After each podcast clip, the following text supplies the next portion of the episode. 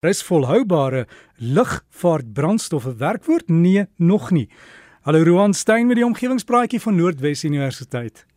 Goeiemôre Derek. Ja, en uh, goeiemôre aan jou daar by die huis ook en baie dankie dat jy ingeskakel is vir vanoggend se omgewingspraatjies. Nou uh Voorheen Derek op omgewingspraatjies het ons wel gesels oor die Parys-ooreenkoms en wat dit alles behels en uh, ons het laas jaar gesels oor die uh, COP 26 konferensie die klimaatsverandering konferensie en die doelwitte wat deur verskeie lande opgestel is om klimaatsverandering te bekamp.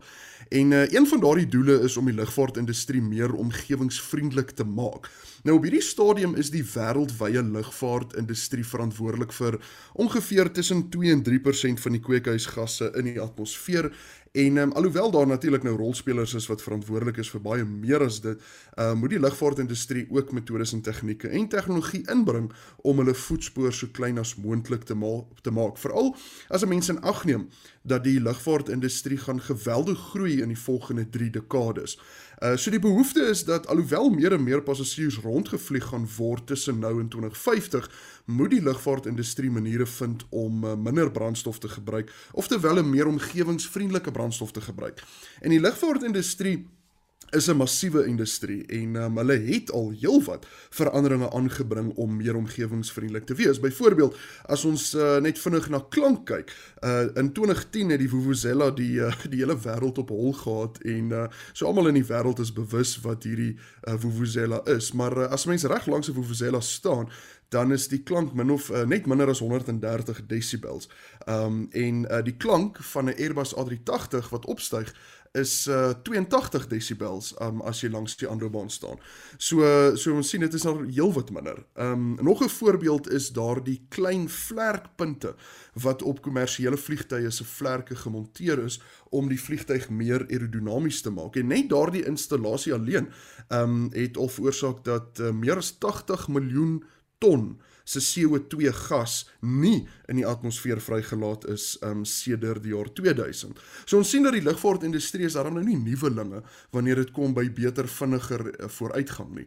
Maar ongelukkig is dit ook dan nou so dat die lae vrugte nou al gepluk is wanneer dit kom by hoe om hierdie industrie meer omgewingsvriendelik te maak. En die volgende vrug wat gepluk moet word is effens hoër aan die boom en dit is nou soos wat jy genoem het Derek die sogenaamde volhoubare lugvaartbrandstof. Nou die enigste werklike manier om die lugvaartindustrie industrie tussen nou en 2050 meer omgewingsvriendelik te maak is om beter brandstof te maak waarvan die kweekhuisgasse heelwat minder is per kilometer wat gevlieg word per passasier.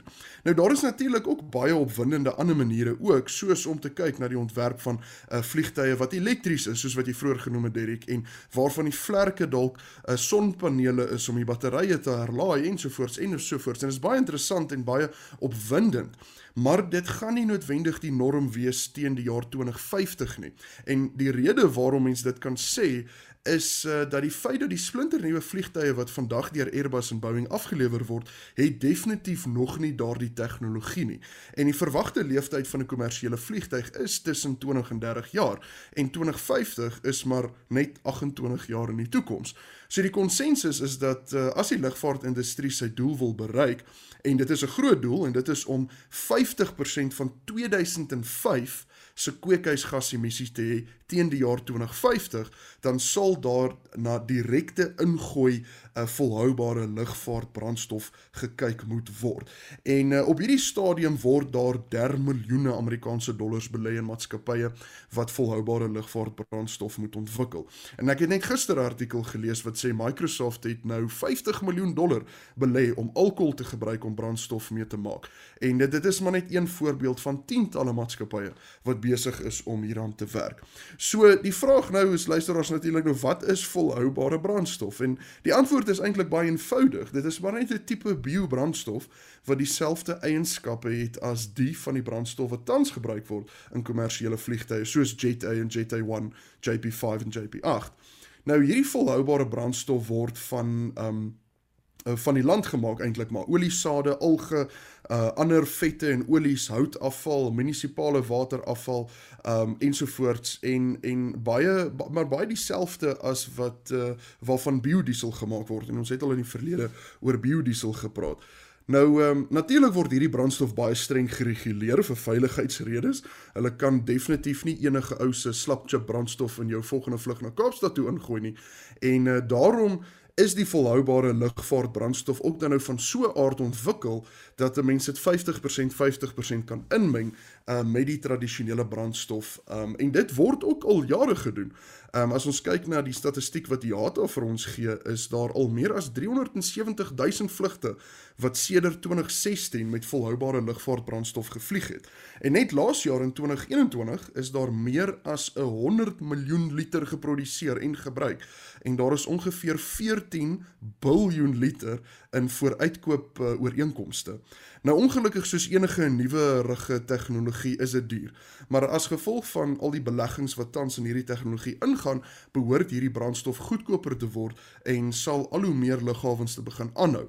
Nou op hierdie oomblik is daar nou maar net 'n handjie vol lughawens in die wêreld wat die opsie het om met hierdie brandstof vol te maak, soos byvoorbeeld die internasionale lughawe in Oslo en dan nou ook Los Angeles en Stockholm in Swede en dan is daar so eh, 'n paar ander ook.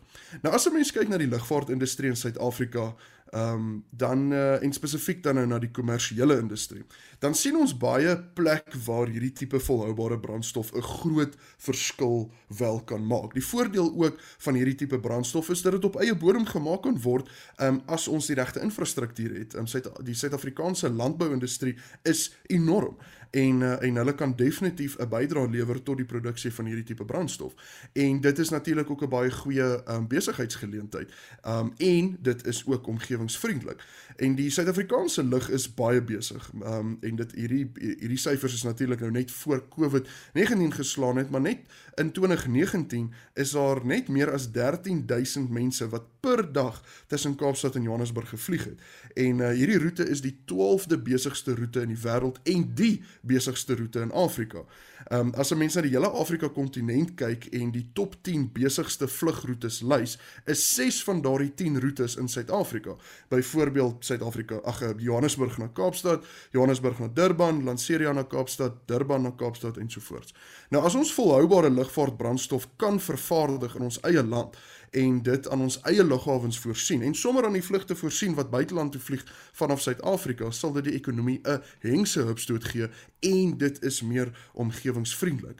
Um en ek dink Derek, dit is maar waar, waarmee ek gaan afsluit. Daar is daar's baie pessimiste, uh pessimistiese mense daar buite wat sê dat jy kan of wins maak of jy kan omgewingsvriendelik wees, maar jy kan nie albei gelyk hê nie. En dit is eenvoudig net nie meer die waarheid nie. Um on, ons as wetenskaplikes het 'n verantwoordelikheid om nie op te hou dink um nie voor ons planne het um wat wel winsgewend is en omgewingsvriendelik is nie. En uh, en hierdie is definitief een van daardie oplossings. En dit is een van die interessante goedes wat wat van die lugrederye begin doen, is hulle begin spesifiek um 'n uh, 'n las of 'n kom ons sê 'n levy um op jou vliegkaartjie sit as jy sou kies dat jou vlug ook dan nou moet inge uh, uh, uh, uh, meer omgewingsvriendelike brandstof of volhoubare lugvaartbrandstof ingegooi moet word. En nou die vraag is sal mense ekstra betaal vir 'n vliegtuigkaartjie indien um, hulle weet dat die kaartjie is meer omgewingsvriendelik en ek dink ons sal maar sien of dit wel die geval is. Ja, Roan as verbruikers moet ons seker maar ook die verantwoordelikheid dra. Maar dankie vir daai. Uh ja, ons sal veilig en groen kan vlieg een van die dae, ek is seker. As jy wil kontak maak met Roan is omgewing by rsg.co.za en Roan plaas ook vir ons op die Breakfast Facebook bladsy altyd inligting oor sy onderwerp. Gaan loer daar.